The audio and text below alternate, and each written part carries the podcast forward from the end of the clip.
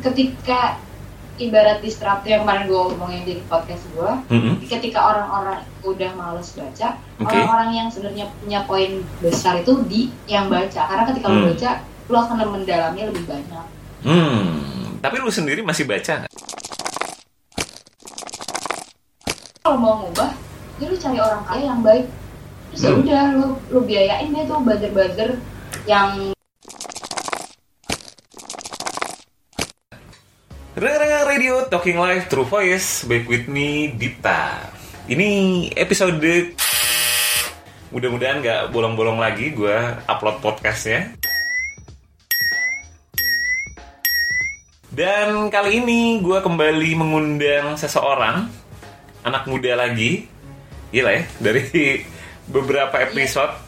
Hmm udah ada suaranya Siapa dia? Dari beberapa episode kemarin juga tamu gue kebanyakan anak muda.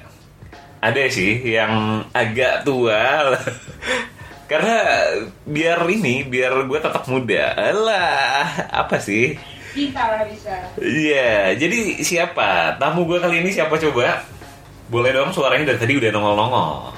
Eh, jadi gue kenalan nih. Hmm, kenalan dong. Oke, em, hai semuanya. Gue Ariana Talida. Mm-mm. Sebutin nih gue podcast apa nih? Iya dong, lu lu pakai punya hmm, dari podcast mana deh? lu punya podcast sama, sama gitu kan? Kita ketemu kenalan juga dari grup podcast Indonesia dan Iya. gue lihat sih podcastnya Arya ini menarik, jadi gue tertarik untuk ngobrol sama dia gitu. Yes, jadi podcast lu adalah Podcast gue adalah podcast sudut pandang laluan. Oke. Kenapa lu eh, ngasih nama sudut pandang ini garing banget ya pertanyaannya. Nanya nama kayak bandnya kenapa namanya itu gitu. Tapi pengen tahu, pengen tahu sih. Kenapa kenapa akhirnya lu Gue waktu itu kayak eh, ngerasa waktu itu kayak gue gue bikin tuh sebenarnya udah sekitar setahun yang lalu kan. 2017 ya?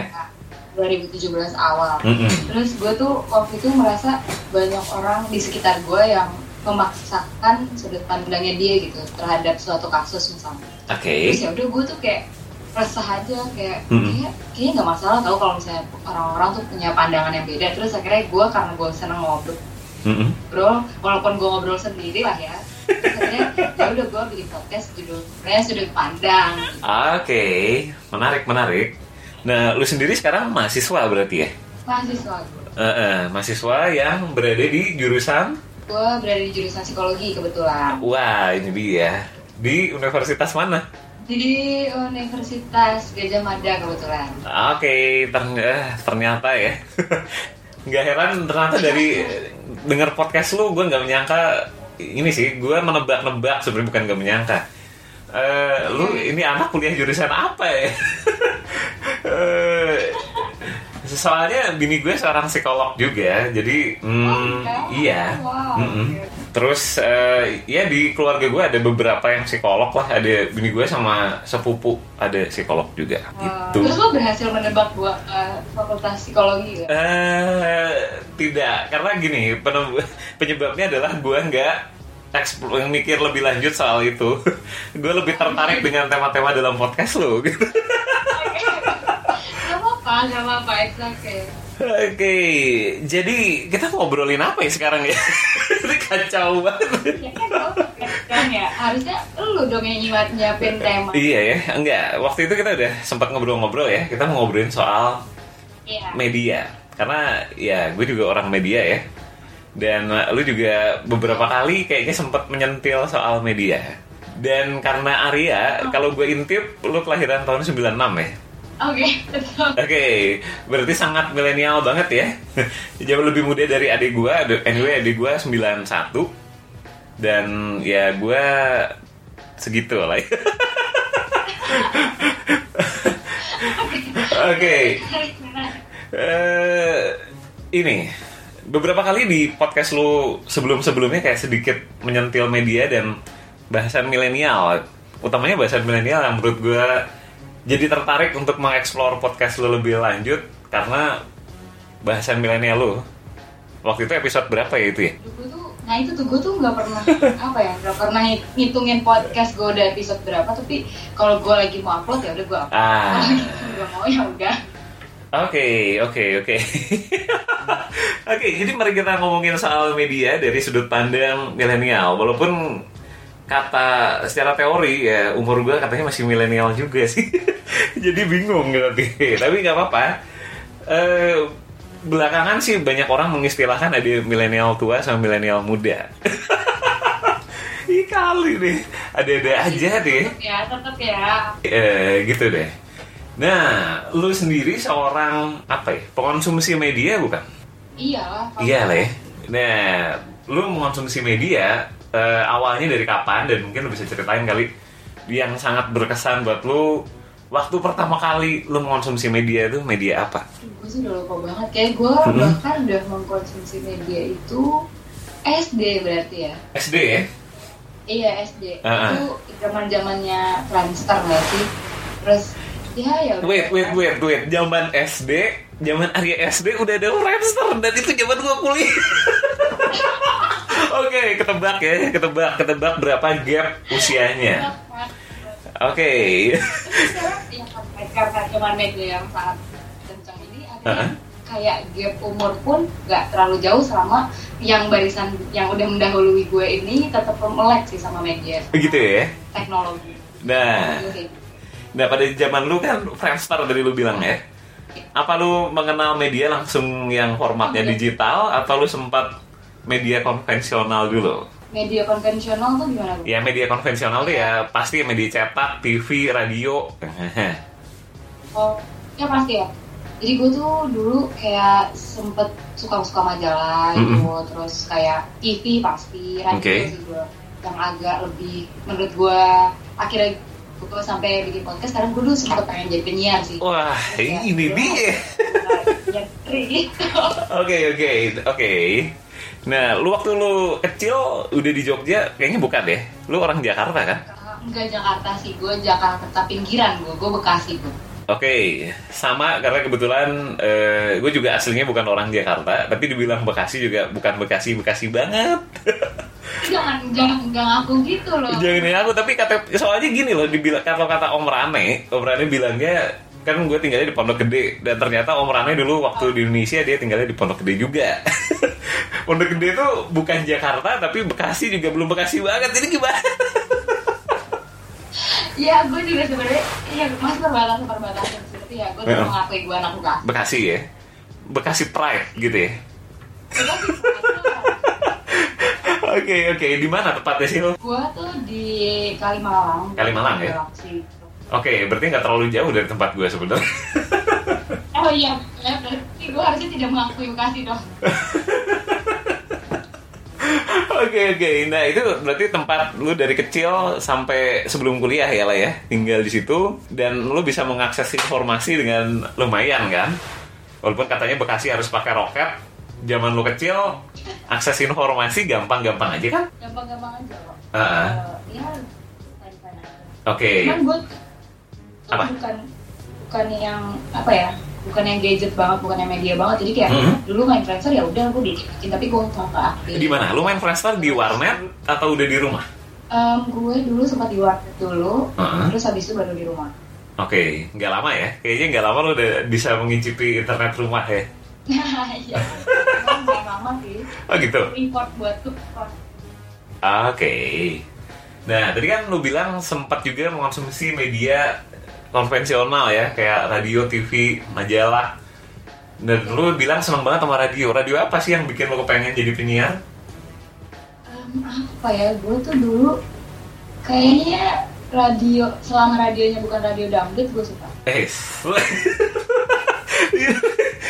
kenapa? Kenapa emang ada ada yang salah dengan radio dangdut? Enggak sih, ya selera lah ya. Heeh. Selera nggak ada yang benar nggak ada yang salah. Lu nggak sukanya sama radionya atau dangdutnya? dangdutnya. Cuman kan biasanya Oke. kalau radio dangdut, ya yang disetel dangdut terus kan. Jadi gue mengikutnya radio dangdut. Oke. Oke, oke. Oke, termasuk berarti lu nggak dengerin eh, pengantar minum racun, pemuda harapan bangsa gitu lo nggak dengerin juga ya? Enggak, enggak, enggak. Nggak ya? Lu nggak, pokoknya lu any kind of musik dangdut nggak not Iya. your cup of tea gitu ya. iya kurang skip lah pokoknya Oke, nah menurut lo lagi eh, itu zaman kapan sih lo mulai ngefans sama radio dan akhirnya terbersit keinginan buat jadi penyiar? itu gue zaman SD sih terus kayak Hmm? ya udah SMP gue kebetulan SMP gue di Jakarta Oke, Jakarta ya beneran ya. Ah beneran ini ini di Rawamangun gue SMP Oke, oke. Nah, terus kayak kayak gue sih waktu itu SMP akhirnya gue nggak sempet lagi gue banyak aktivitas SMP akhirnya SMA Hmm. gue capek gue baru pindah ke Bekasi lagi habis itu SM eh, kuliah awal sih justru gue Begitu. ada lowongan penyiar Pas udah ke Jogja ya? ah pas udah di Jogja terus Mhm. gue nyoba terus ya udah kayak fail Di mana tuh? sampailah gue di podcast di namanya Suara Gelap Oke. Radio kebanggaan anak muda Jogja. Bukan kebanggaan kali yang pasti anak muda Jogja ngedengerin itu gitu kayaknya nggak mungkin kan kalau nggak dengerin. iya benar-benar Oke. Uh, uh, dan menurut lo yang menarik dari seorang penyiar radio itu apa sih? kalau menurut gue apa ya kayak gue tuh orang visual banget ya. Heeh. kalau gue denger radio tuh gue jadi bisa membayangkan walaupun itu gak ada dan kayak menarik aja lo tuh bisa memvisualisasikan sesuatu tapi lo cuma denger gitu Oke, kalau kata seru aja gue denger kalau kata Lord Bullock podcast pojokan tuh theater of mind. ah betul betul betul theater of mind banget Oke, oke, oke. Nah, dari lu nggak keterima jadi penyiar dan nggak tahu juga apa sebabnya mungkin nggak jodoh aja kali ya? Atau lu tahu? saya jadi saya Bisa jadi. Nah, akhirnya lu bikin podcast atau tertunda beberapa tahun dulu.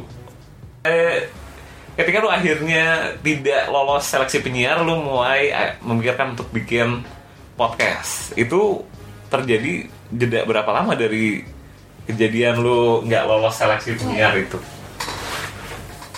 itu lama banget jadi gue Hmm? justru gak kepikiran ketika gue gak kepikiran sama sekali buat podcast Hmm. terus gue itu masih sibuk organisasi ya biasa lah ya Oke. mahasiswa. terus akhirnya gue selesai organisasi tahun awal tahun terus Hmm. gue bingung nih gue mau ngapain gue boring banget kan kayak ya psikologi mah tugasnya nggak baik-baik banget terus ya gue masih sibuk terus ngapain nih gue terus akhirnya ya udahlah gue bikin podcast aja gitu terus Oke. ternyata abis bikin podcast gue ikut suatu acara lagi terus Mhm. Awalnya gue kayak ya udah bikin satu episode terus teman gue tahu terus teman gue bilang ya ayolah bikin sama gue gitu terus Hmm. udah akhirnya lanjut sampai sekarang Hmm. tuh Jadi lu collab sama temen lu atau gimana? enggak sih jadi Hmm. kayak dia minta diundang di podcast gue gitu Oke, oke. Dan eh, itu tahun berapa sih? 2017 itu atau sebelumnya lagi? 2017 Oke. 2017 lah, gue. Anyway, lu kuliah masuk pindah ke Jogja tahun berapa? 2016 atau 2017? 2004 2015 loh Oke, oke, oke. Dan eh, kalau sekarang misalnya lu ditawarin jadi penyiar lagi, lu masih mau atau lu udah nyaman sama podcast? gue masih mau mau aja sih kayak Eh. ya itu bisa jalan beriringan gitu sih menurut gue Oke. Jadi menurut lu penyiar radio sekarang masih masih oke lah ya? masih oke masih oke kayak gue merasa nantinya tuh orang bakal jenuh kayak lu perhatiin deh Mm-mm. orang-orang yang bikin podcast itu sekarang udah banyak maksudnya kayak semakin hari gue ngerasa semakin banyak sih jadi kayak ya orang udah jenuh aja gitu loh kayak Mm-mm. di Facebook, Twitter, Instagram apalagi kayak karena ketika lo nge-podcast lo akan jadi diri lo sendiri gitu jadi Oke. lebih personal kali ya Mm-mm. Oke, dan penyiar radio, kenapa lu masih Kalau tertarik? penyiar- karena pasti gue dapet ilmu baru sih Oke. dari penyiar radio Seperti apa yang lo expect dengan menjadi seorang penyiar radio? Eh, em, otomatis gue akan ketemu dengan kalau gue partner ya jadi penyiar radio pasti gue ketemu orang yang diajak ngobrol tuh seru itu sih yang Hmm. gue tekenin kalau misalnya jadi penyiar radio Oke. terus pasti gue dapet info-info soal musik atau misalnya Mhm. soal event atau Oke. ya banyak terus em, apa lagi ya menurut gue ya yang pasti dapat duit lah ya kalau podcast kan lo nggak dapat duit Belum. oh belum Belum lah. Iya, semoga aja di masa depan deh. Masa depan. Eh, ya who knows lah ya kita mungkin sekarang belum tapi bisa aja tiba-tiba eh, makin banyak celah-celah monetisasi podcast gitu gitu ya. Iya, eh, walaupun gue udah start dari 2015 ya tetap belum menemukan celahnya ini harusnya digimanain gitu. Udah lama banget ya 2015. 2015 waktu itu inisiasi gue sama kantor. Jadi gue yang Oh. menyediakan si teknisi Indonesia buat punya podcast. Karena waktu itu apa ya? Podcast yang ngomongin soal startup, startup dan teknologi zaman itu tuh nggak ada. Masih wah nyarinya susah. Adanya banyaknya di luar. Terus ya gue bosen aja dengan konten tulisan gitu. Nah kan? Iya betul. Mm-mm. Gue ngerasa nanti makin lama orang-orang makan bosen kalau dengan tulisan karena malas baca. Nah, ini nih, ini dari kacamata milenial banget. Bener-bener. Jadi kebenaran, kebenaran di tahun lalu itu eh, gue bikin survei buat keperluan kantor lah ya, dan Ah. juga menganalisis eh, riset-riset di luar soal minat baca. Itu tuh ternyata nggak cuma di Indonesia, bahkan di hampir di seluruh dunia orang itu udah nggak baca lagi. Jadi kalau menemukan sebuah konten di internet, eh, mereka itu kecenderungannya akan scanning dan skimming doang gitu kan. Orang bahkan mengonsumsi dalam bentuk yang lain kayak video, audio, atau Karena gambar gitu kan. Mm-mm. Nah tapi em, ini sih sebenarnya ya itu bahaya juga buat otak kayak Nah itu nih, psikolognya udah mulai keluar deh. iya iya iya iya gue beri bermanfaat gitu ya Eh, dosen gue pun bilang kalau misalnya lu semakin sedikit baca kemampuan lu untuk mengingat terus. Oh. kayak lu gampang pikun itu tuh berpengaruh karena di otak kita sendiri udah ada sistem yang apa ya yang fungsinya tuh buat bahasa buat Hmm. baca gitu gitu Oke. kayak sebenarnya em, ketika ibarat disruptor yang kemarin gue ngomongin di podcast gue Mm-mm. ketika orang-orang udah males baca, Oke. orang-orang yang sebenarnya punya poin besar itu di yang baca. Karena ketika lu Hmm. baca, lu akan mendalamnya lebih banyak. Hmm, tapi lu sendiri masih baca nggak? Gua kebetulan gue kemarin tuh habis selesai baru banget tadi malam novel sih, walaupun Hmm. novel lah ya, tapi em, Dan Brown sih kalau lo tahu, Iya, yang iya. origin Oke, yang bahasa Inggris atau terjemahan? eh, terjemahan. Oke. Terus gue baca itu tuh kayak itu juga terkait soal media bukan media sih lebih ke Ah. teknologi zaman sekarang gimana Ah, terus ah. ke depan kayak gimana dan di situ yang menarik em, di situ bilang kalau kita manusia itu sebentar lagi akan punah dan akan digantikan oleh robot Oke. menarik banget terus Hmm. ya em, si si yang yang peneliti ini tuh bilang tapi ketika itu diganti sama robot yang bisa gantiin ya lo tetap harus mempunyai rasa manusiawi lo gitu loh karena Hmm. kalau ada robot Hmm. dia nggak akan bisa menciptakan emosi terus kayak gue kayak ya emang sih kayak eh, lebihnya sebenarnya di ininya nggak sih di feelingnya bukan Uh-uh. di otaknya Oke, nah ini udah makin ini sih menarik soal obrolan soal manusia yang akan digantikan sama robot dan tadi kalau ngomongin media banyak yang memprediksi ya kalau sekarang nanti ke depannya itu media bakal generate by system. Bukan lagi orang yang nggak ada jurnalis-jurnalis atau ya katakanlah kalaupun bentuknya visual gitu ya, kayak stasiun TV, radio eh, yang sifatnya audio gitu ntar bakal diotomas otomasi semuanya gitu kan. Jadi yang bukan orang lagi. Jadi misalnya ada kejadian nih peristiwa eh, kecelakaan di suatu daerah nanti yang datang ke sana udah foto satelit udah bukan orang foto cekrek-cekrek terus cari data dari eh, analisis kejadian di tempat kalau ada polisi tanya polisinya udah bukan gitu sih. Dan gila kalau gue bilang. Coba coba. Nih lu bayangin deh kalau misalnya hidup sekarang hidup di beberapa tahun lagi lah gue Hmm. gue yakin gak akan lama. Udah kayak gitu. Lu gimana? Ya apanya nih? Eh, apa ya karir gue studi media atau kehidupan gue secara umum kehidupan lu secara umum Ah, ini sih eh, apa ya? Gue sedikit terpental ke waktu gue nonton film Ideo Crazy lo tau gak sih? Yang semua air minum jadi Gatorade. Oh belum belum gue belum. Oke oke. Nah itu tuh ceritanya karena semua orang terlalu malas gitu ya. Dan begitu hobinya sama minum itu minuman ringan berenergi itu. Iya iya. Jadi semuanya eh, semuanya yang muncul adalah air nggak ada di dunia dan digantikan oleh cairan itu gitu kan. Jadi jadi tanaman mati terus ah ya nggak ada lah pokoknya semua makanan jadi artifisial semua.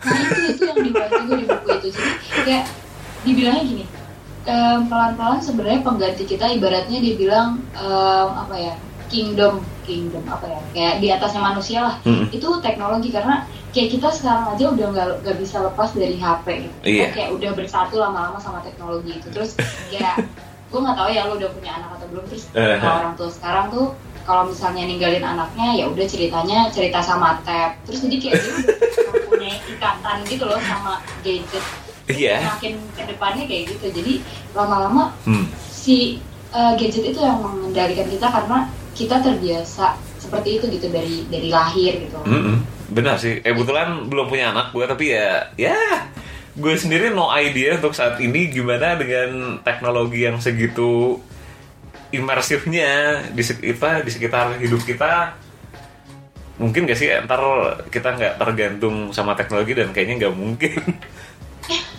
iya sih cuman mungkin bisa dibatasi kali ya. Nah, kalau dibatasin Iya. mungkin.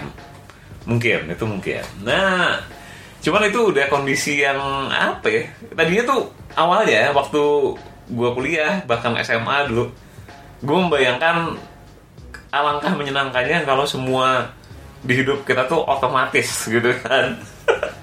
karena basically kita males nggak sih Nah, makanya itulah eh, temen gue yang bikin dia sempat bikin layanan asisten pribadi virtual. Kenapa dia bikin layanan itu? Karena ya itu tipikalnya orang Indonesia.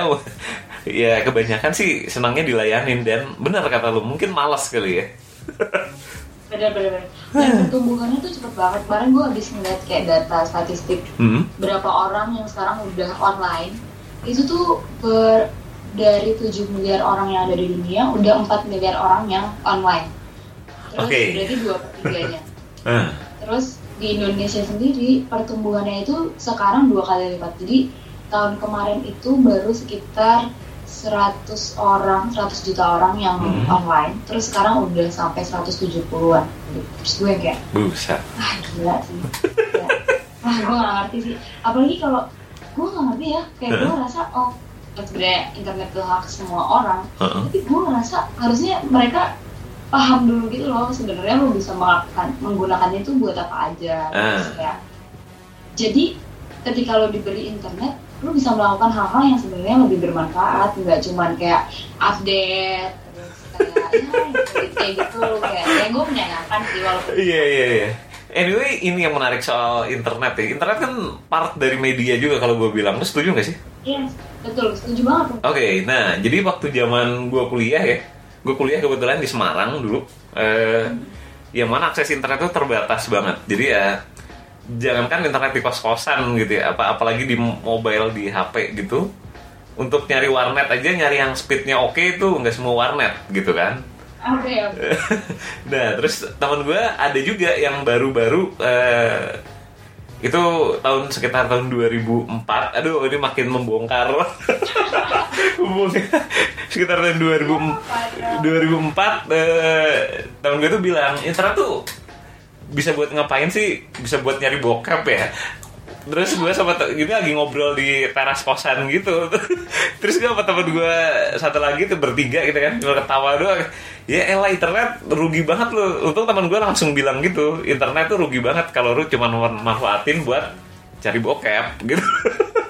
Dan kenapa ya mindset orang dia nggak kenal internet sama sekali begitu mendengar kata internet langsung oke. Dari situ aja udah ada something wrong gue bilang. Eh, Mm-mm. Terus mungkin menurut dia itu adalah hal yang prestige kali terus. Iya, maybe udah, kali itu ya. deh, gitu. Dan soalnya mundur lagi kalau mau mundur lagi kenapa internet begitu lekat sama begitu begituan? Waktu zaman SMA gua itu around tahun 2002 kali ya. eh, pernah di salah satu teman gua ada yang udah punya akses internet di rumahnya dan eh, waktu itu storage eh, media storage itu masih eh, di skat kali ya umumnya di skat sama Iya. CD CD RW CD rewriter tuh masih baru-baru. Nah waktu itu eh, again namanya anak SMA gitu ya. Yang kita cari adalah bagaimana mendapatkan gambar porno sebanyak-banyak dan dengan bangganya kalau lu ngomong pride tadi eh, koleksi temen gue itu udah ada seribu loh gambarnya. Dan pada saat itu kayak suatu prestasi gitu. Dan tidak terpikirkan anjir ini media yang mengubah peradaban manusia di masa depan.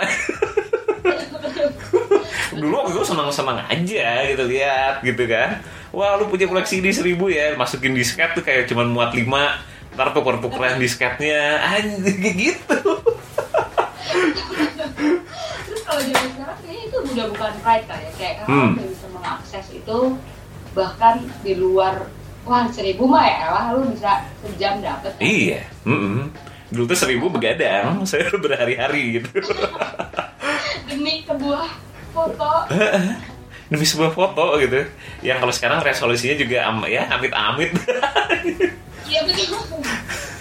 Tapi kayak kalau sekarang mungkin lebih pride-nya lebih self center gitu Hmm. kali ya ya lo menunjukkan lo lagi apa lo lagi di mana terus kegiatan lo apa lo punya apa Mm-mm. tapi kalau kalau lo disuruh milih lo Mhm. mendingan pride-nya dulu adalah si bokep itu Mhm. atau pride-nya self center orang-orang sekarang yang dulu sih tapi gue setuju loh gue setuju maksud gue bukan bokepnya yang gue setuju Heeh. di situ tuh ada ada dinamika lu harus membagi-bagi itu ada Iya, dinamika iya. di mana teman lu engkau lu dan lu bisa membicarakan itu walaupun Heeh. konteksnya bokep ya Ya, itu ada ada di dinamika manusia itu Mm-mm. tapi kan kalau misalnya self center lu kayak lu berharap orang tuh ngomongin lu misalnya Mm-mm. atau em, akhirnya lu terlalu terfokus sama diri lu sendiri dan apa ya em, nggak ada nggak ada koneksi antar manusianya gitu jadi kayak ya gue cukup menyayangkan sih iya mm-mm. dan apa ya kalau mundur lagi zaman dulu kan begitu menyenangkannya gitu ya ketika kita bisa bisa chattingan pakai MIRC atau Yahoo Messenger dengan ID palsu gitu kan terus kenalan sama banyak orang mau jadi apa kita tinggal tinggal ini aja tinggal ganti avatar atau bikin apa eh ya kita berpura-pura aja jadi siapa gitu mau jadi bule mau jadi cewek cowok gitu ya. Dulu tuh kayak sesuatu yang menyenangkan jadinya. Dan again tidak waktu itu di pikiran gue dan mungkin kebanyakan teman-teman gue yang main internet nggak menyangka efeknya akan jadi kayak sekarang.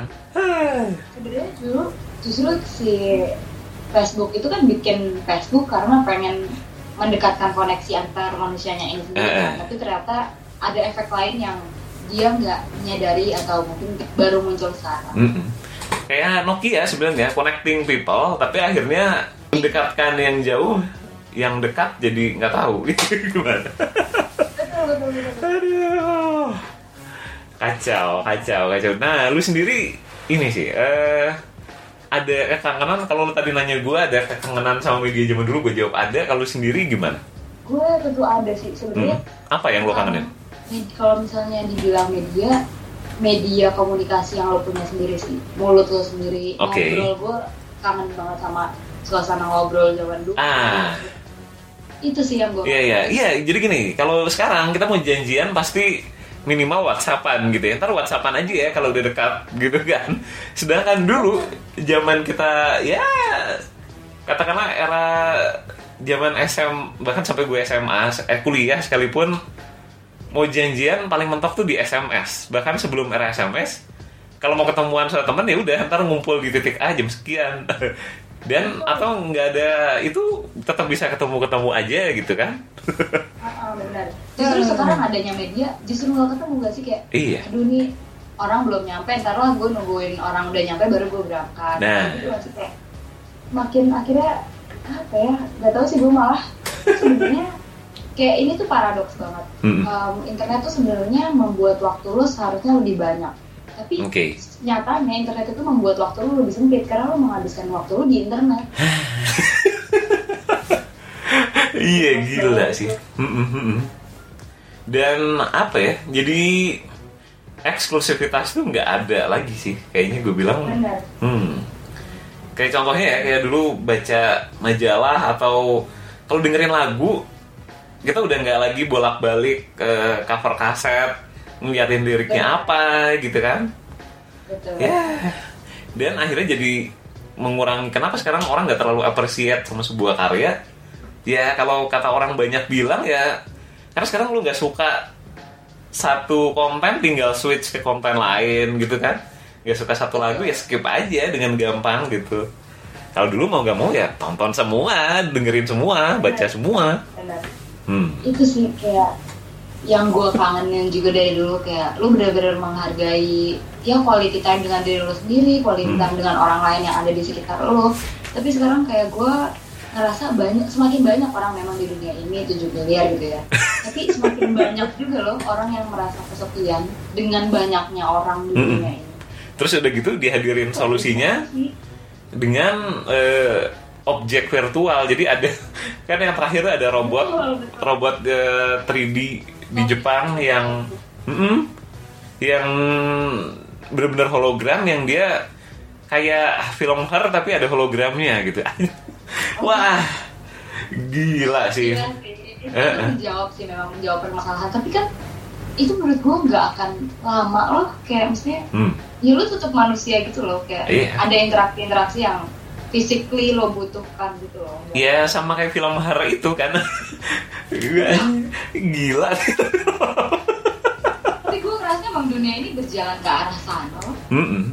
Iya iya iya Walaupun Iya. gue nggak tahu siapa tahu Korea Utara meledakkan ininya nuklirnya, Eh. terus semua internet mati, mungkin itu kita akan mulai lagi dari nol. kalau skenario nya begitu ya Kalau skenario begitu. kalau skenario begitu dari mana kita nggak tahu gitu kan skenario itu sesuatu yang jauh di luar jangkauan kita bener kita aja nggak nyangka loh tak sekarang ini kan maksud gue Mm-mm. kayak cepet banget loh buat gue kayak 10 tahun kemudian gue udah bisa berinteraksi dengan seluruh orang di dunia ini Mm-mm. kayak gue nggak kebayang 10 tahun kemarin ke belakang kayak gue akan bisa seperti ini dan gue juga nggak tahu kan Iya. kayak nantinya gimana gue juga nggak kebayang Hmm. Hmm, hmm, hmm. nah, kalau lu sendiri dengan kondisi yang sekarang, eh, apa yang lu harapkan dari media di masa depan? Em, apa ya sebenarnya yang gue harapkan ya gue tahu sih sebenarnya media itu cukup baik ya Mm-mm. buat kehidupan manusia ya Mm-mm. kita haus akan informasi Oke. tapi justru yang gue harapkan bukan medianya tapi yang Hmm. gue harapkan orang-orang yang mengakses dan orang-orang yang mengunggah media itu jadi bisa lebih pinter gitu loh kayak lu cobalah berpikir dua tiga langkah lebih ke depan dibandingkan ada case terus lu langsung masukin ke media karena itu akan berpengaruh banget walaupun secara secara psikologis lu secara fisik lu karena apa ya gue merasa soalnya ada data yang menunjukkan Hmm. bahwa em, dep- tingkat depresi seseorang itu em, akan menjadi pembunuh pertama di tahun 2030 Buset, 2030 nggak jauh lagi loh, tinggal 12 tahun Iya. lagi. Jadi semua orang kayaknya udah depresi dan gue ngerasa oh Hmm. oke gue akan punya banyak ya Hmm. Psikolog pasti laku ya. Laku lah, tapi ya sampai gue juga gak mau sih Karena belum tentu juga gue yang jadi psikolog Siapa tau gue yang depresi kan gak ada yang tahu Oh my god. Iya bener bisa juga ya. Iya. Oke oke. Nah tapi kan lu bilang tadi membuat orang yang mengonsumsinya lebih cerdas, bener nggak? Gitu kan? Betul, betul. Yang lo harapin. Nah kalau yang lu lihat sekarang arahnya ke sana gitu, ada arah-arah ke sana. Gue lihat sih soalnya nggak ada. Dan gini loh, eh, lingkaran setannya terjadi dari misalnya di Indonesia ya kita sempitin aja nih konten banyaknya konten yang disukai adalah konten yang less value gitu yang value-nya tuh nggak ada tapi viral tapi ya orang banyak suka. Jadi si media sebagai produsen konten atau juga konten creator lainnya gitu fokusnya ke sana. Orang sukanya itu ya udah diempanin itu. Yang menduiti itu ya yang orang-orang yang punya duit yang bisa menopang keberlangsungan si media juga ngelihatnya itu. Nah ini ini rame nih ya udah. Karena yang rame mereka mereka ini mereka lah yang disokong duit. Mereka yang mencoba ngasih value ya susah setuju gak lo? Kayak setuju gue, cuman em, kayak gue mikirnya ini tuh bisa dihentikan. Hmm. Sebenarnya kontrolnya Nah. tuh bukan ada di manusia, di orang si audiens ya, tapi Hmm. kontrolnya justru ada di yang memberi konten itu. Karena kalau misalnya nih ya, lu konten bermanfaat itu misalnya dihapuskan semua, Hmm. terus lu membeli konten-konten yang biasanya ibaratnya menyenangkan, lu bisa kemas dengan baik, tapi itu cukup bermanfaat. Itu menurut gue mau gak mau karena manusia itu basically haus akan informasi, lu akan melahap informasi itu kok. Maksudnya kenapa sekarang yang menjamur adalah informasi-informasi yang receh? Hmm. Karena em, itu yang ada, itu yang viral. Jadi Oke. orang kan melihatnya yang viral apa. Tapi kalau misalnya, gue masih yakin sih sekarang pergerakannya em, udah banyak orang-orang yang sadar kok kalau misalnya sebenarnya ini nggak baik. Cuman salahnya gue ngerasa memang em, ada em, apa ya konspirasi sih ini gue. Nih, seru nih.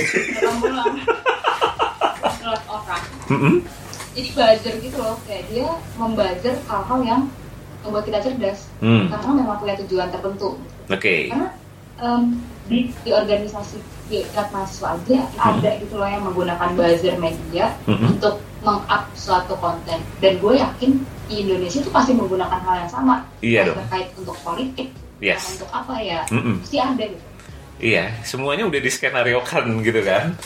benar benar benar kalau gue mikirnya lo kalau mau ngubah ya lu cari orang kaya yang baik terus ya Hmm. udah lu lu biayain deh tuh buzzer-buzzer yang berpengalaman buat ngebuzzer hal-hal yang positif Oke, ini nih punchline-nya adalah lu cari orang kaya nah, yang baik ya kan? yang baik yang baik Orang kaya yang baik, yang mana ya itu benar-benar semoga ada. kayak ini ya, kayak cerita dalam dongeng ya orang kaya baik. iya ya walaupun baik itu relatif ya Iya, baik itu relatif banget kan. di dunia ini yang baik cuma terkadang Hmm. ya orang apa ya gue juga ternyata gue juga baru tahu ketika gue kuliah ada Hmm. teorinya bahwa emang manusia tuh suka hal-hal yang negatif Nah. jadi dia tuh yang negatif walaupun sebanyak apa pun sih hal positif ini lo akan senang melihat hal negatif Oke, wah ini gila deh. Setengah jam aja udah banyak banyak obrolan menarik. Dan kayaknya kali ini gue sengaja nggak mau berpanjang-panjang. Biasanya dan setelah dilihat-lihat lagi, durasi ideal untuk podcast adalah di kisaran 30 sampai 40 menitan aja. Jadi karena lu udah ngasih punchline tadi, semoga ada orang baik, orang kaya ini ya, yang baik yang Yang mau. baik. Ya semoga aja ada dan gue sih percaya akan ada aja akan ada aja akan ada lah pasti masalah berhasil atau enggaknya ya we'll see later cuman kan karena berhasil atau enggak menurut gue ada skenario lagi yang kita nggak tahu iya nggak penting kita nyoba sih menurut gue dan Hmm. walaupun kita nggak kaya ya kita tetap share-share konten-konten yang lebih baik. Oke, oke, sudah 40 menit. Thank you banget Arya obrolannya, bener-bener Iya. mengubah Sabtu gue. mengubah Sabtu gue yang masih banyak kerjaan dan lain-lain dan thank you juga buat waktu lu udah mau diganggu pagi-pagi. Mudah-mudahan gue eh, nggak terdistraksi banyak hal ketika ngedit podcast ini dan ya semoga aja bisa ngasih pandangan yang lain buat para pekerja media di luar sana. Oke, oke, thank you Arya. Oh iya, kalau mau cek eh, apa podcast lu di mana nih? Em, kalau misalnya ke teman-teman semua Mhm. pendengar Edipta mau ngecek podcast gue bisa di sudut pandang eh podcast eh soundcloud Mhm. slash sudut pandang soundcloud.com slash sudut pandang. Oke, thank you Arya, sukses dengan kuliahnya, sukses dengan semua yang lo rencanakan. Thank you banget udah mau ngobrol sama gue dan untuk pendengar radio, see you on the next episode. Still talking live through voice. And Dipta sign out and bye bye guys.